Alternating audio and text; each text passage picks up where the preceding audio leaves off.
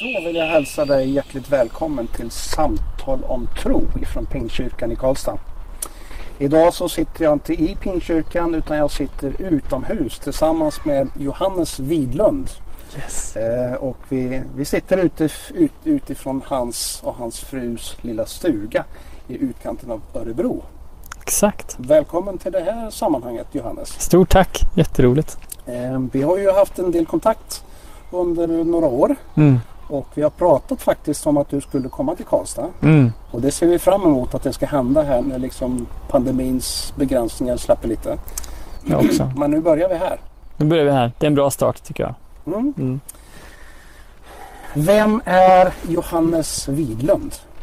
Ehm, det finns många ingångar där men, men för att göra lite, lite basic grejer sådär så bor jag ju nu här i, i, i Örebro. Jag jobbar eh, halvtid på PMU, alltså eh, Pingstmissionens utvecklingssamarbete som miljörådgivare.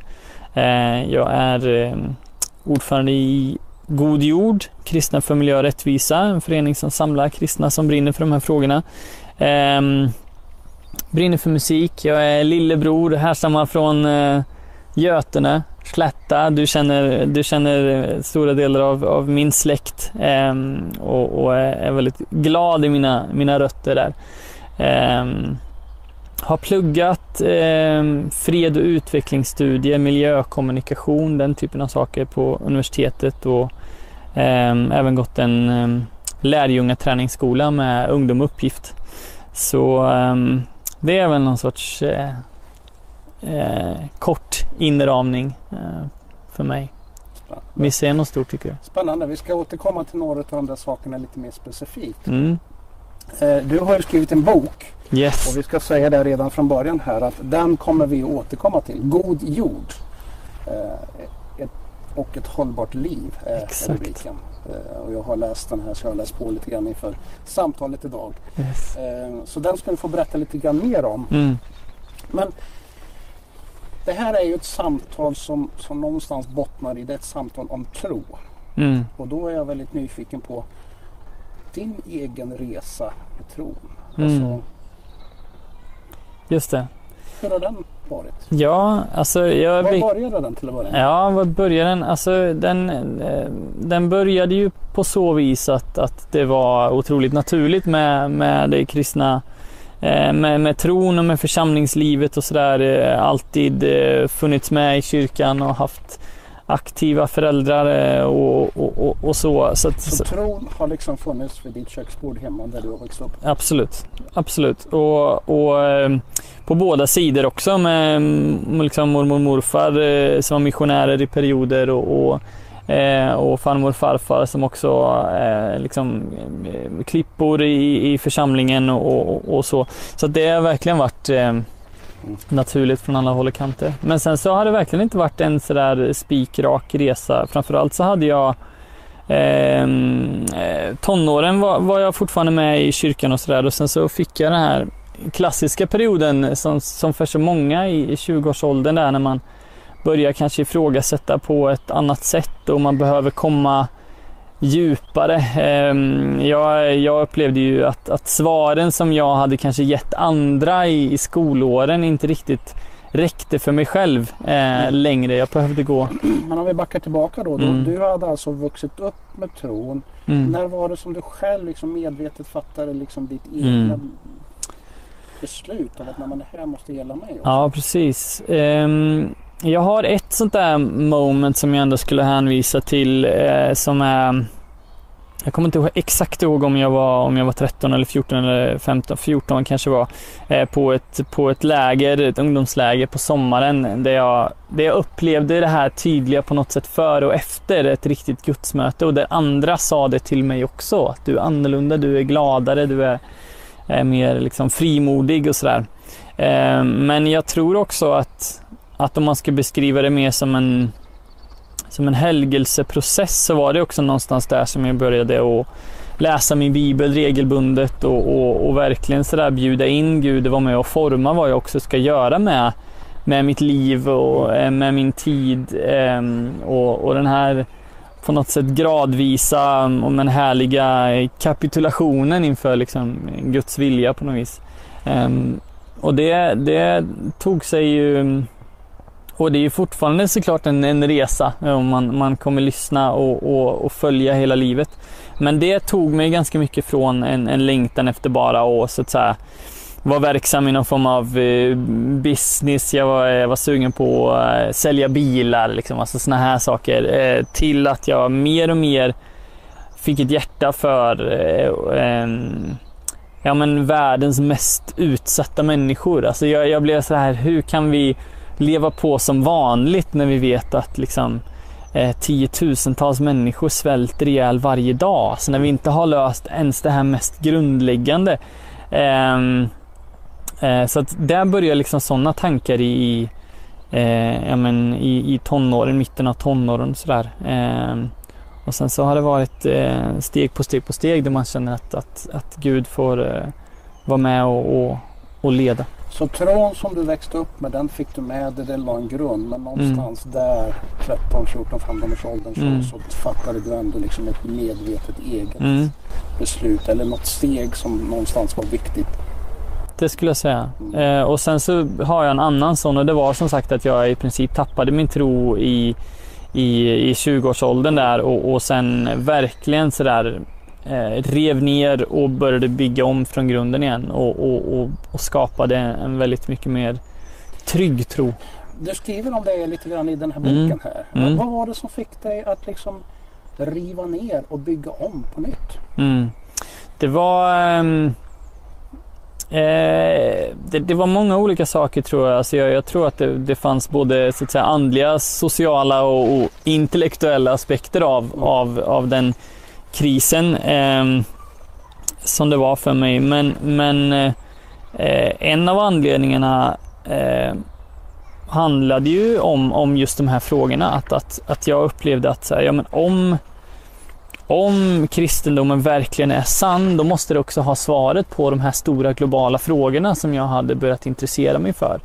Eh, och jag var inte, jag var, blev inte, jag var inte eh, spontant helt övertygad om att så var svaret. Och det var en sån grej som hände under bibelskolan, att jag så insåg mer och mer att nej men Jesus är verkligen svaret även för de här eh, globala problemen som, som vi står inför. Alltså en, en riktig helhjärtad Jesusrevolution hade fått konsekvenser, inte bara för vårt andliga liv utan även eh, socialt liksom eh, och, och, och avhjälpa både psykisk och, och, fysisk ohälsa och fattigdom och sånt här. Men även att det skulle transformera eh, vår relation till naturen, till skapelsen och, och, på något sätt få vara med och eh, få världen att blomstra igen.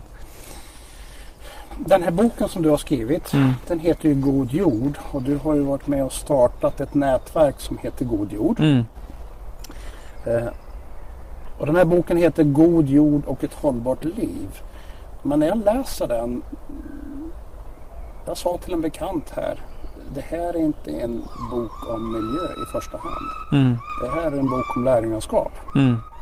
Ja, den eh, så att säga, karaktäriseringen är jag helt nöjd med. Mm. Ehm, och, um.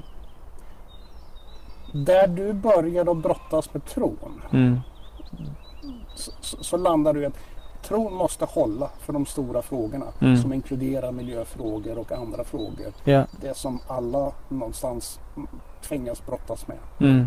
Yeah. Och den prövningen någonstans ledde i, ut i att nej, det gör den, eller? Det gör den, precis. Både det gör den och, och då måste det synas mer och det var ju därför vi startade organisationen då, eller rörelsen, föreningen eh, God jord, kristna för miljö och rättvisa. För att jag kände att det här måste få eh, här måste få mer utrymme i, i hur vi uttrycker vår tro i, i världen. Eh, jag tror att, eh, jag skriver om det i boken, eh, med Ehm, att det finns ett par grundläggande relationer liksom, eh, från början. Människa, Gud, eh, människa och andra människor och människor och skapelsen.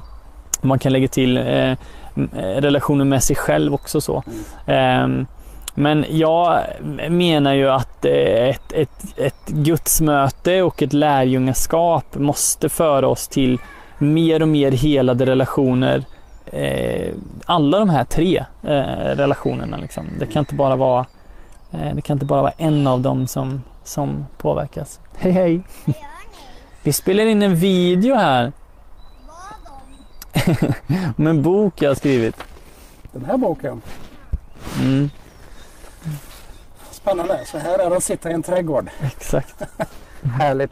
Du, eh, några bibel, bibelsammanhang som du återkommer till i boken. Och som du, för du gör en ganska så grundlig vad ska man säga, teologisk genomgång. Mm. Du är till och med inne och gräver en del i grundtexten Ja, till och och med. nyckelbegrepp och så här som är Mm. lite centrala och viktiga. Och, Mm. eh, det finns några bibel, bibelcitat som jag tänker vi kan, vi kan läsa Mm. och så kan vi väl samtala lite grann om det. Mm. För det skriver de i boken här.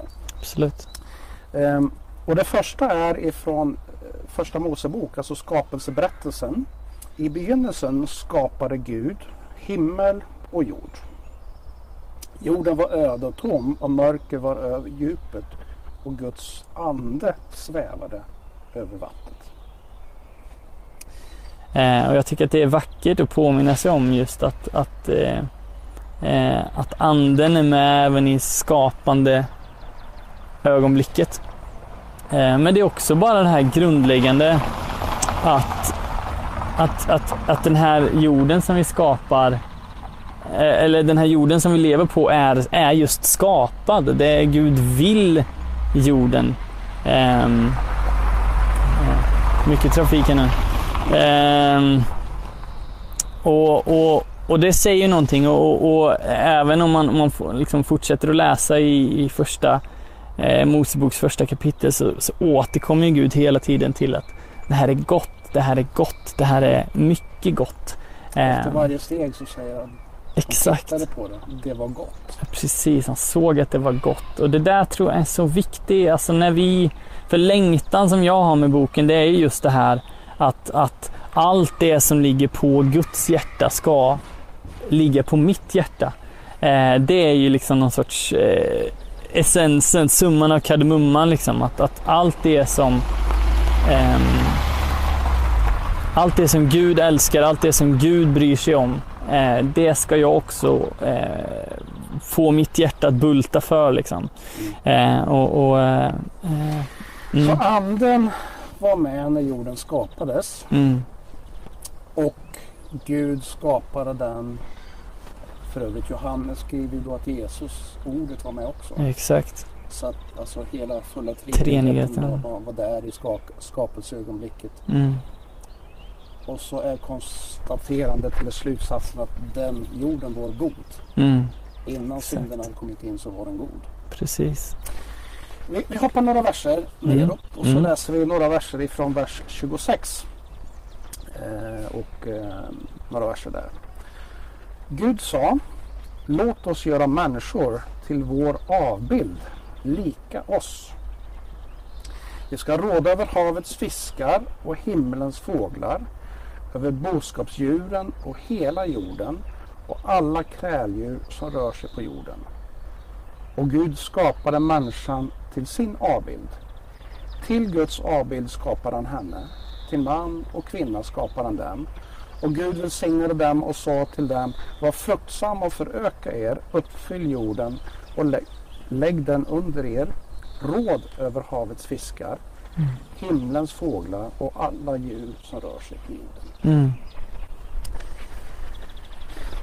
Du skriver en del om, om människans unika roll. ja, Eh, Och det finns ju en del då som, som i samhället talar om att ja, men människan är ett djur bland andra. mm. Eh, Det håller inte du med om? Kan du? Nej, här är, det ju, här är det ju några riktigt stora viktiga bitar. Dels är det ju det här avbildskapet. Hur ska vi förstå det? Det här med rådandet. Hur ska vi förstå det? Ehm, och, och, och som du är inne på just det kopplat till avbildskapet. Hur ska vi på se på oss som människor i relation till eh, övrigt skapade liksom? För att det jag upplever att Bibeln så tydligt beskriver är ju både att vi är en del av skapelsen. Av jord är du och jord skall du åter bli, står det. Eh, i Bibeln. Men samtidigt så betonar också Bibeln att vi är någonting för mer än än eh, så att säga, allt annat skapat. Är inte ni värda liksom, så mycket mer än en sparv, står det liksom om i, i Nya Testamentet också. Um, så, så nej, jag, jag, skulle inte hålla med om att, att, att människan bara är ett djur som alla andra. Eh, men det jag skriver om i boken är att det vi behöver utmanas i, tror jag, som svensk kristenhet, det är att utan att sänka människans eh, liksom högt älskade eh, eh, både liksom position och uppdrag så ska vi höja eh, det övriga skapade. För att ibland så har vi ansträngt oss så mycket för att göra en distinktion mellan människor och djur att vi nästan har, eller och människor i liksom allt övrigt skapade, att vi i princip har eh, i praktiken predikat att, att det övriga skapade inte har något inneboende värde. Mm. Och det tror jag är ett, ett fullständigt obibliskt eh, koncept. Liksom. Det, det, är inte alls bra.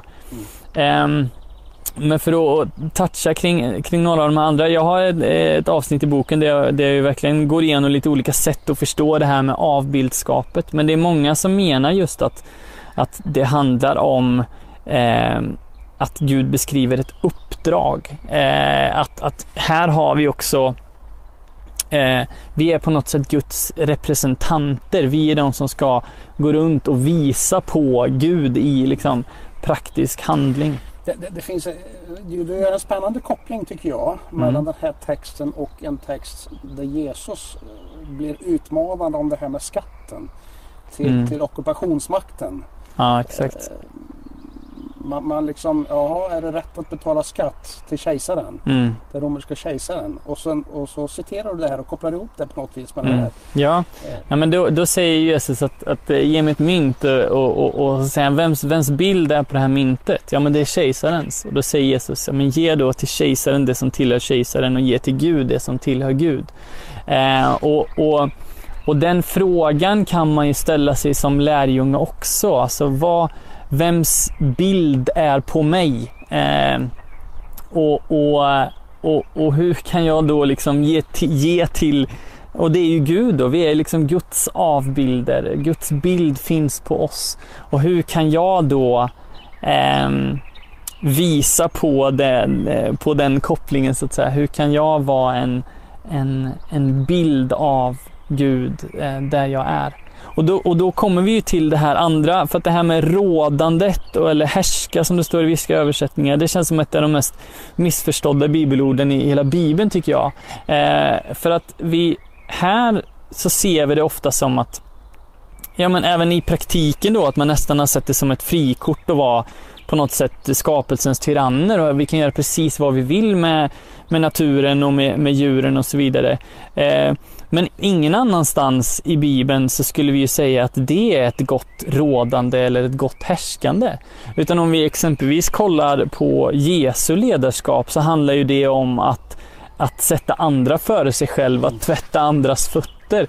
Och jag citerar faktiskt eh, Iron Lady Margaret Thatcher där som säger att, att ju mer vi lär oss att bemästra naturen, desto mer måste vi lära oss att betjäna naturen. Alltså vi behöver ett, ett tjänande rådande i relation till naturen. Hur kan jag, hur kan jag få eh, naturen att blomstra runt mig? Eh, det tror jag är ett, ett bibliskt eh, sätt att råda.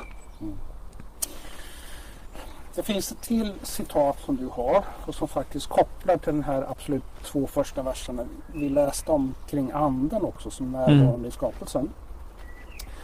Och det är ju faktiskt när vi spelar in det här så är det ju pingsttid då. Mm. Eh, och, eh, och då citerar du ifrån Apostlagärningarna. Mm. Alltså när anden kommer på ett väldigt extraordinärt sätt. Mm så händer det saker. Mm.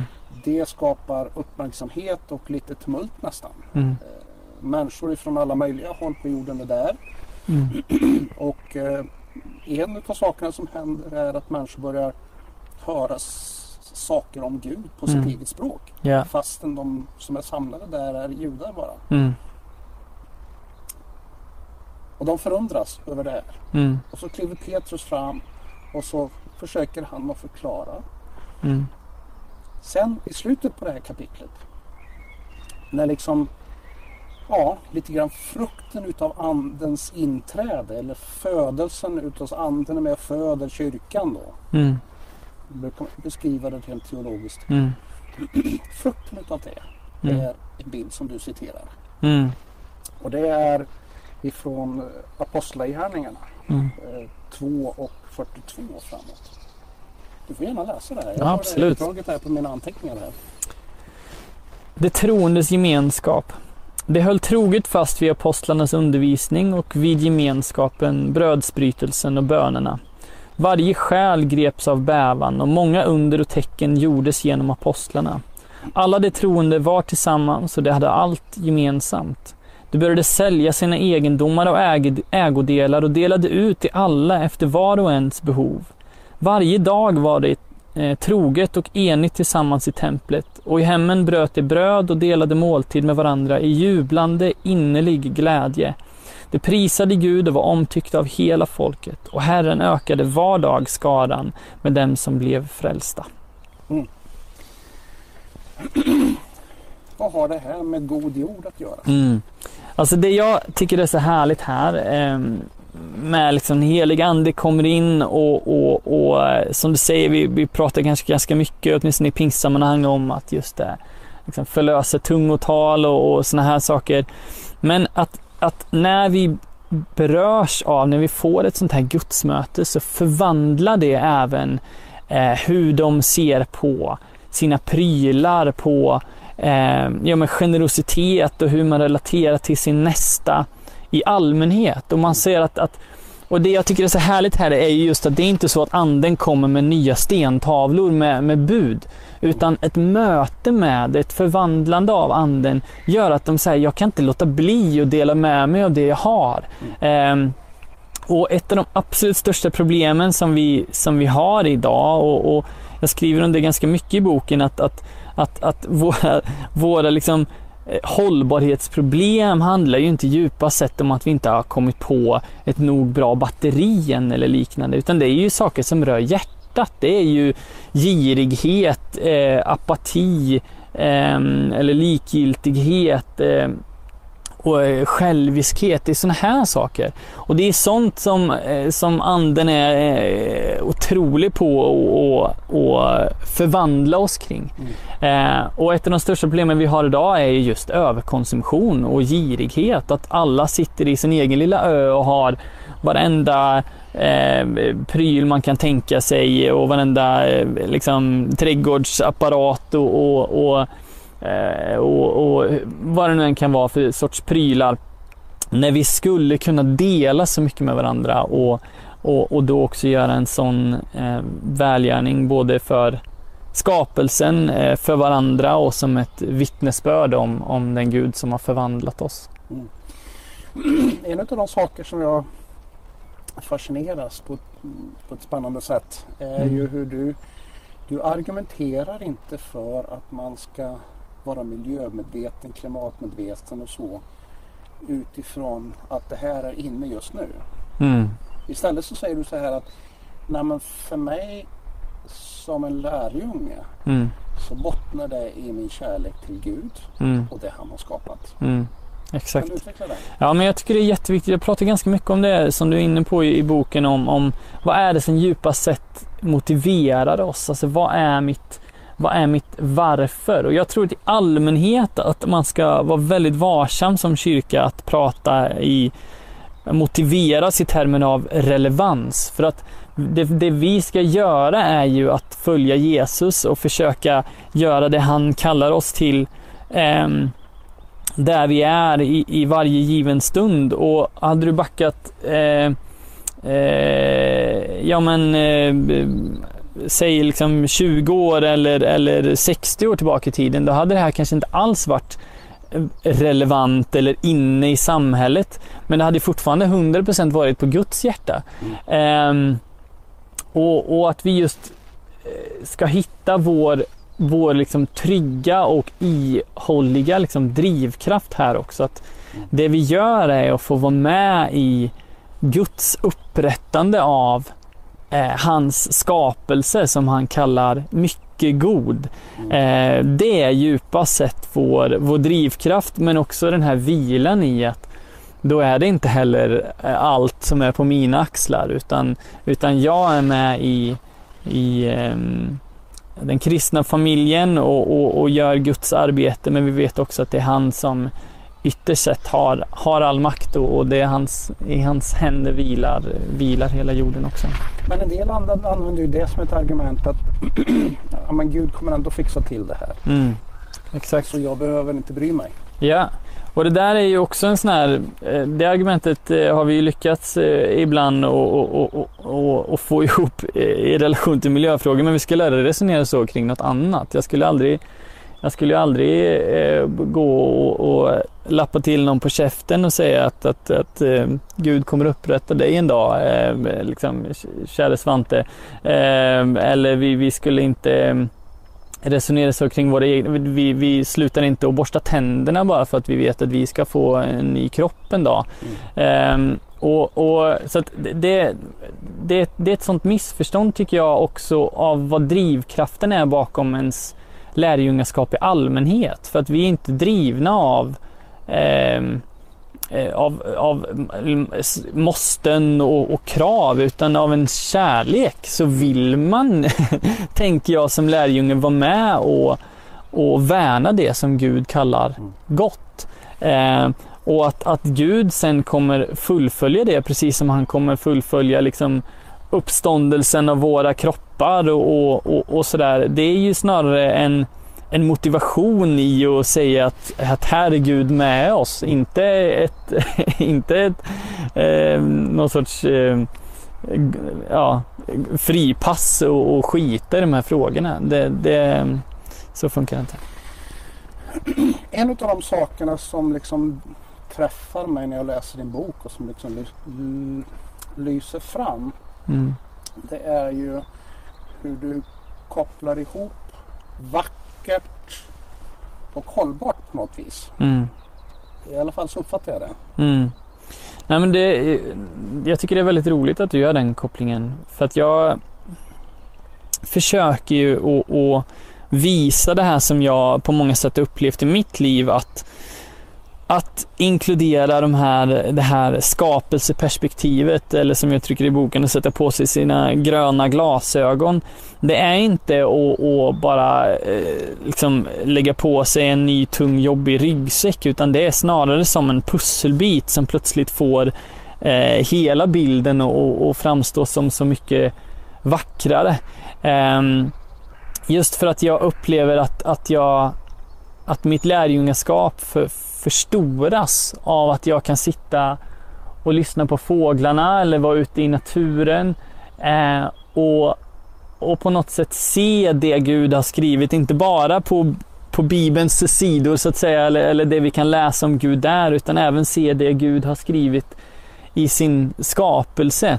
Eh, bara en sån sak är fantastiskt. Jag tycker också att det är fantastiskt att eh, och se hur vi liksom genom att ta hand om vår natur här eh, också är faktiskt med och hjälper några av världens mest utsatta människor som redan nu lider ofantligt av klimatförändringar och andra miljöproblem. Och det är ju faktiskt vi i de rika delarna av världen som, som står för den största delen av dem problemen. Så att jag får också en, en, liksom en ännu större möjlighet på något sätt att vara med och älska dessa mina minsta liksom, som, som Jesus pratar om.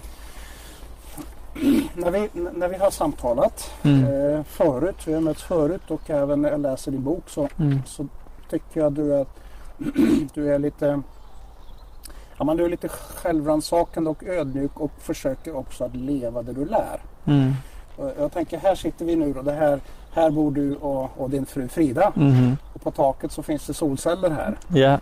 Och här på den här lilla kullen så, så har du, ja ni har någon liten begynnande äng här. Var, var, varför har ni det? Ja, eh, solcellerna vill jag for the record säga att jag inte kan ta så mycket cred för. Men, men vi hejade på mina hyresvärdar som, som satte upp dem. Eh, men, men det är som du är inne på att, att vi, har, vi har anlagt eh, äng här uppe på. Eh, om några, om några veckor så kommer den säkert börja synas ännu mer. Eh, och, och, det är för att eh, ängar är eh, Sveriges artrikaste miljö. En, en, en liksom gammal eh, Eh, äng som, som har varit igång länge så är det, eh, det kan vara lika många arter per kvadratmeter som i regnskogen. Det är fantastiskt och vi behöver den här mångfalden eh, för hela jordens stabilitet. Men det, så det är ena motivationen, att det handlar verkligen om, om att vara med och göra sitt lilla för att lösa de här stora problemen. Men också för att jag tycker att just mångfaldstanken, måste, den, den är så enkel att på något sätt omfamna som kristen. När man ser hur Gud skapar i, i begynnelsen och, och, och han, han ser att det är så eh, gott liksom. Och då jag blir, eh, mitt lärjungahjärta blir glad när jag ser massa mm. konstiga insekter jag inte har en aning om att att de ens fanns eh, som, som trivs på grund av eh, mina insatser. Du, liksom. skriver någonting på ett ställe där om att en tesked jord innehåller, vad sa du? Ja, precis. Nu sätter du mig på utav... pottkanten. Ja, men exakt. Alltså det är något, något sånt där, jag tror en matsked jord, lika många eh, bakterier som, som eh, det finns stjärnor i vårt solsystem. Eller sånt där. Jag kommer inte exakt ihåg. Men... Det är svindlande i alla fall. Ja, exakt. Jag får lämna det till det... er som läsare att läsa boken. exakt. För där finns det klart och tydligt. Correct men det är en mm. ren, alltså det är en svindlande mm. siffra som du tar fram. Yeah. Och för övrigt så har du oerhört mycket fakta i boken där du har källanvisningar till forskning av olika slag. Mm. Eh, som du liksom bygger en hel del på. Då. Mm. Mm. Men eh, jag känner att jag också bara vill komma tillbaka till det här med att, leva som man lär. Jag, jag tycker att det är viktigt. Eh, men här behövs det också en balans för att det är också så viktigt att, att, inse att vi alla är, att vi alla är syndare eh, och att det finns ingen som lever liksom 100 procent Eh, Eh, så att man inte gör någon form av skada och bara gör positivt, eh, varken för människor eller för naturen eller, eller ja, eh, liksom, hur, hur andligt perfekt man är. Det är ingen som är, är perfekt och, och, på något sätt så kan ju det också vara en gemenskap. Det här är skitsvåra frågor, ungefär så. Och vi alla kan vara med och hjälpa varandra. Det är så jag önskar att, att församlingen skulle vara. Men också den här både vikten av och, och eh, njutningen av att få leva ett, ett, ett eh, livet vävt i ett stycke som en, en eh, person fångade det. Eller liksom det här helhjärtade livet där jag känner att det jag gör här hemma, det jag gör på semestern, eh, hur jag är när jag handlar, att det är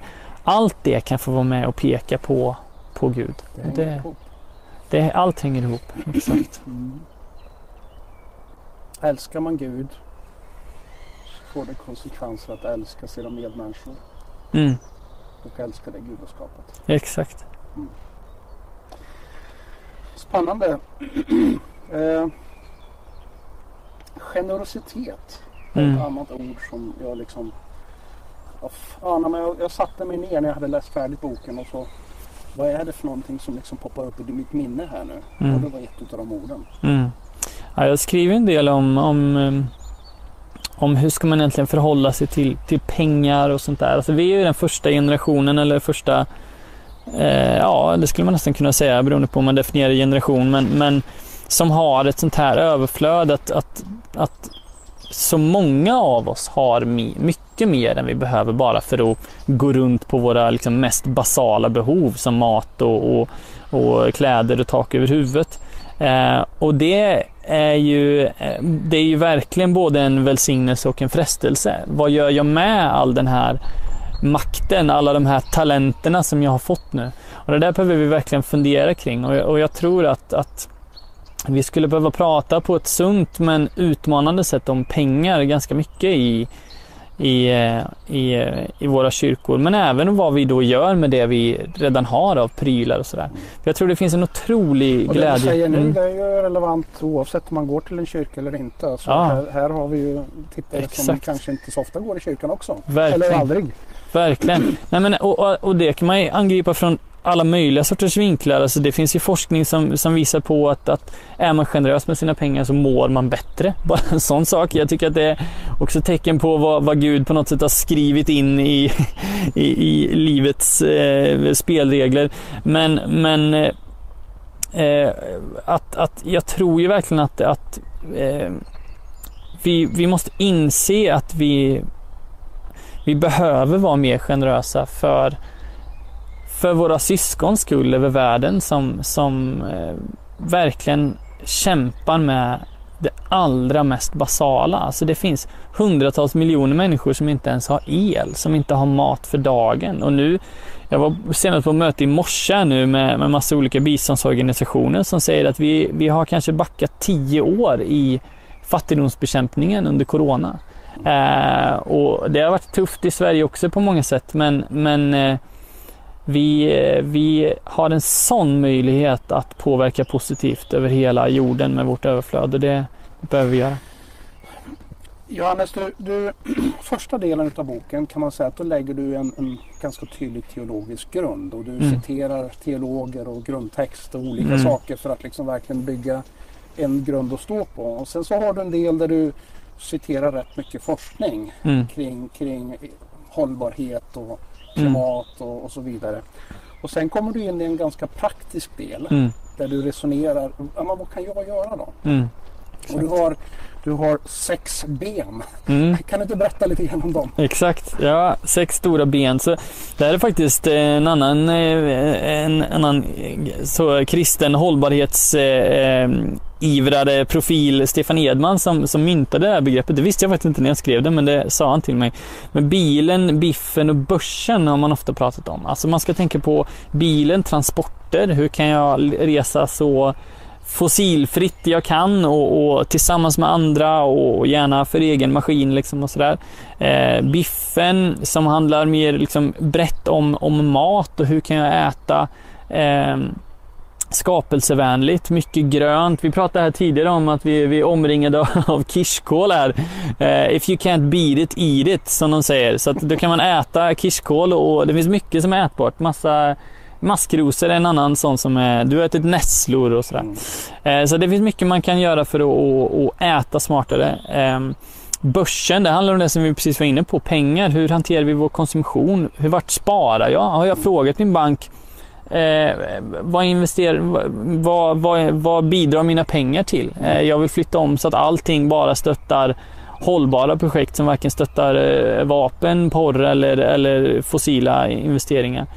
Ehm, sen så pratar jag om eh, eh, eh, jag la till två egna. En av dem är bönens väg. Att jag tror att vi behöver prata om bönen och vad, vad, eh, vad bönen kan göra med oss och hur den gör, vad, den, vad den gör med vårt förhållningssätt till de här frågorna som kan vara så svåra. Psykiska också liksom. och att, att det är Gud som vi ska ta rygg på Gud. Babbla att vi måste prata om det, precis som vi gör nu. Mm. Eh, det är perfekt. Eh, och bostaden. bostaden, exakt. Det är det sista. Eh, hur kan man se över hur man, hur man bor? Exempelvis göra som en hyresvärd och slänga upp lite solceller på taket. Mm. Sex stycken konkreta områden att försöka börja ta steg. Exakt. Nej, men precis, du, du har verkligen fångat det jag försöker få fram i boken, att det finns en, en tydlig eh, eh, början där, det, där man svarar på varför ska jag engagera mig? Och det är väl en tråd som löper genom hela boken. Men, men varför och vad säger Bibeln? Men sen också vad säger forskningen om, om eh, hur, hur jorden mår och vad som behöver hända och sen ett, ett hur, där vi var inne på nu då, det som är privatpersoners kapitel. Men sen så har jag också för för församlingar och för eh, liksom en, en världsvid kyrkorörelse där, tillsammans. Vi ska, vi ska strax gå in för landning men mm -hmm. den här boken här, mm. varför ska man köpa den och läsa den? Ja, men jag önskar ju att, att, att det... Jag var faktiskt otroligt glad härom, häromdagen för då eh, kom det in en recension i tidningen Dagen eh, och i sista stycket där så står det att, att hon som recenserar, Fanny heter hon, hon sa att jag, jag upplever att jag att jag eh, känner att jag vill göra mer för naturen men inte som ett krav utan som en nåd. Eh, och det är ju någonting som jag vill förmedla. Att det här är som sagt, det här är en eh, skapelseperspektivet är en pusselbit som kan få livet att bli vackrare och lärjungaskapet större. Ehm, eh, men också någon sorts, eh, vi snackade om det innan, att, att jag har ju verkligen också en, en, en medveten skärpa att, att det här är också någonting som vi måste ta tag i. Eh, för vår eh, ehm, ja, för att, för att Gud ska kunna äras, för att vi ska kunna vara trovärdiga i att vara liksom eh, följare av, av en Gud som är kärlek. Eh, så att ehm, eh, om man vill utmanas eller uppmuntras eller ehm, utrustas, då ska man köpa min bok. Så det finns en tydlig skärpa när man läser din bok. Mm, Men du har också mycket humor och generositet. mm, Och jag, när jag läser den här boken så, så blir jag ju rejält berörd och utmanad måste jag säga. Jag är ju själv på en resa kan man väl säga. Där Mm. också mina barn har varit med och utmanat mig. mm, Så den där balansen har du någonstans. Och ja, om du tycker den är bra eller inte det får du avgöra när du har läst boken. Eh, Men jag tycker ändå att du hittar en spännande väg. Och å ena sidan är det ju lätt att börja känna skam. Flygskam talas det en del om. mm, Klimatskam och allt vad det nu är för någonting. mm, Och så samtidigt så lyfter du in bönen mm, i de här sex nyckelområdena. mm, Och jag har ett citat här ifrån boken. Vi ska se om jag hittar det här från sidan 173. Jag ska läsa det direkt ur boken. Du skriver så här. Bönens väg hjälper oss att älska det Gud älskar och släppa det Gud önskar att vi släpper. mm. Varför skriver du så? Jo, men jag tror att det är de här två, två bitarna. Att det finns verkligen saker som vi kanske behöver omfamna eh, och, och se på ett nytt sätt. Men det finns också mycket som vi eh, behöver släppa.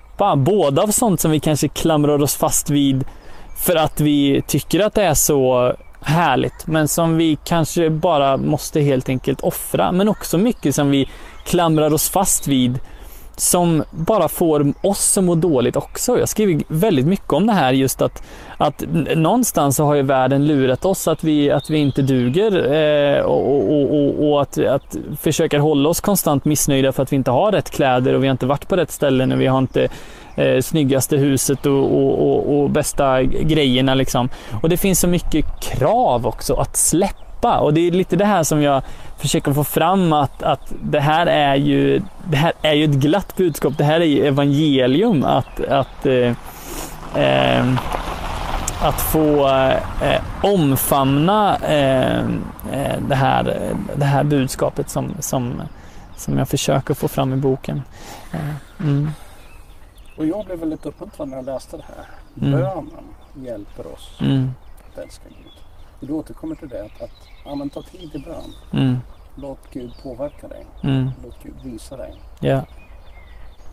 Nej, exakt. Jag tror Och att du, det och du, du talar om att den här bönen naturligtvis har en verkan i den traditionella meningen att, att Gud kan göra någonting. ja, Men du talar också om att bönen förändrar oss förändrar oss. Exakt. Ja, men, verkligen. Och det tror jag att alla som har haft eh, eller har en, en sån vana kan hålla med om. Att, att bön verkligen kan förändra saker när vi ber för andra och när vi ber för saker. Men, men att spendera tid med Gud eh, förändrar oss. Alltså på samma sätt som eh, vi pratade om apostlagärningarna tidigare när helig ande kommer och det blir liksom som en explosion och, och, och en sån super så att säga, utveckling, andlig utveckling. Så är ju bönen kan också öppna upp för sådana snabba men, men också det här långsamma formandet, kärleksfulla liksom drejandet av, av oss eh, i, i Guds händer. Eh, och det behöver vi och jag tror att i allmänhet så behöver vi ju just eh, öppna våra hjärtan för att även relationen till skapelsen kan få eh, förändras av Guds kärlek. Eh, min andra fråga kring den här boken är hur använder man den här? Mm. Jag vet du har nämnt om att du är på gång med något studiematerial. Exakt. Hur kan man använda den här boken? Precis, ja, men jättekul fråga. Det, det är på gång ett studiematerial så man kan ha den i liksom en, en studiecirkel och, och följa och diskutera lite frågor och sådär. Eh, men jag skriver i boken att, att, jag, att jag jag skulle bli besviken om det bara blir en sån här liten, ja här var lite fina tankar om kristen tro och, och, och skapelsen. Utan jag skulle gärna se den att man använder den som en som ett startskott för en praktisk resa liksom. Eh, och om man tycker att det är bra så ha den kvar för att fylla på både motivation eh, och underhålla sin bibelkunskap men, men mycket det här praktiska, att det får vara en, en, en medhjälpare liksom till, till en eh, praktisk och härlig förändring i våra liv. Exakt. Mm. Exakt. Var köper man den här boken om man vill köpa den? Ja, den finns att köpa på, um, på internet, alltså på Bokus och, och sådana där ställen. Man kan också höra av sig direkt till mig om man skulle vilja ha en, en liten hälsning i boken eller så, så kan man beställa direkt av mig. Ja, du, kommer se, du kommer se kontaktuppgifter eller möjligen hur du hittar vidare här i rutan också. Kanon. Mm. Tack för ett spännande samtal. Stort tack. Eh, Jätteroligt. Vill du be en bön? Ja, gärna. Gärna. Ja, tack, tack Jesus, tack Gud för den här skapelsen som vi alla får vara en, en del av. Tack för att du vill ha med oss att göra, att du vill leda oss. Och jag ber att du, du ska hjälpa oss att be eh, bönen om att, att allt det som finns på ditt hjärta Gud ska finnas på mitt hjärta. Och hjälp oss att, att, att liksom ta steg i vårt lärjungaskap som, som känns som att vi, vi längtar efter att komma närmare dig och, och bli mer lika dig. Inte som en kravfylld och jobbig eh, eh, ryggsäck utan som ett eh, befriande evangelium som vi får eh, vara med och sprida till andra. Så ber vi också för alla de som redan idag eh, lider så konkret av hur planeten förändras på olika sätt. Eh, och omsluta dem och beskydda dem. I Jesu namn. Amen. Tack Johannes tack, för samtalet. Tack. Och tack eh, du som har följt med och lyssnat var du nu än har suttit. Och jag skulle vilja utmana dig. Eh, köp den här boken. Den här är väl värd att lösa. Och jag tror inte du kommer bli besviken. Kanske utmanad, hoppas jag. Det blev jag. Mm. Eh, och så kommer du få bränsle till att ta ett viktigt steg framåt på din resa Kalla det lärjungaresa, kalla det livsresa, kalla det vilken resa du vill. Mm. Det är ett viktigt steg för ett bättre, rikare, fullare, hållbara liv. Eh. Välkommen tillbaka på den här kanalen. Varje söndag så har vi något nytt. Och med jämna mellanrum så kommer du se sådana här typen av samtal om tro. Eh, tack för att du har varit med idag.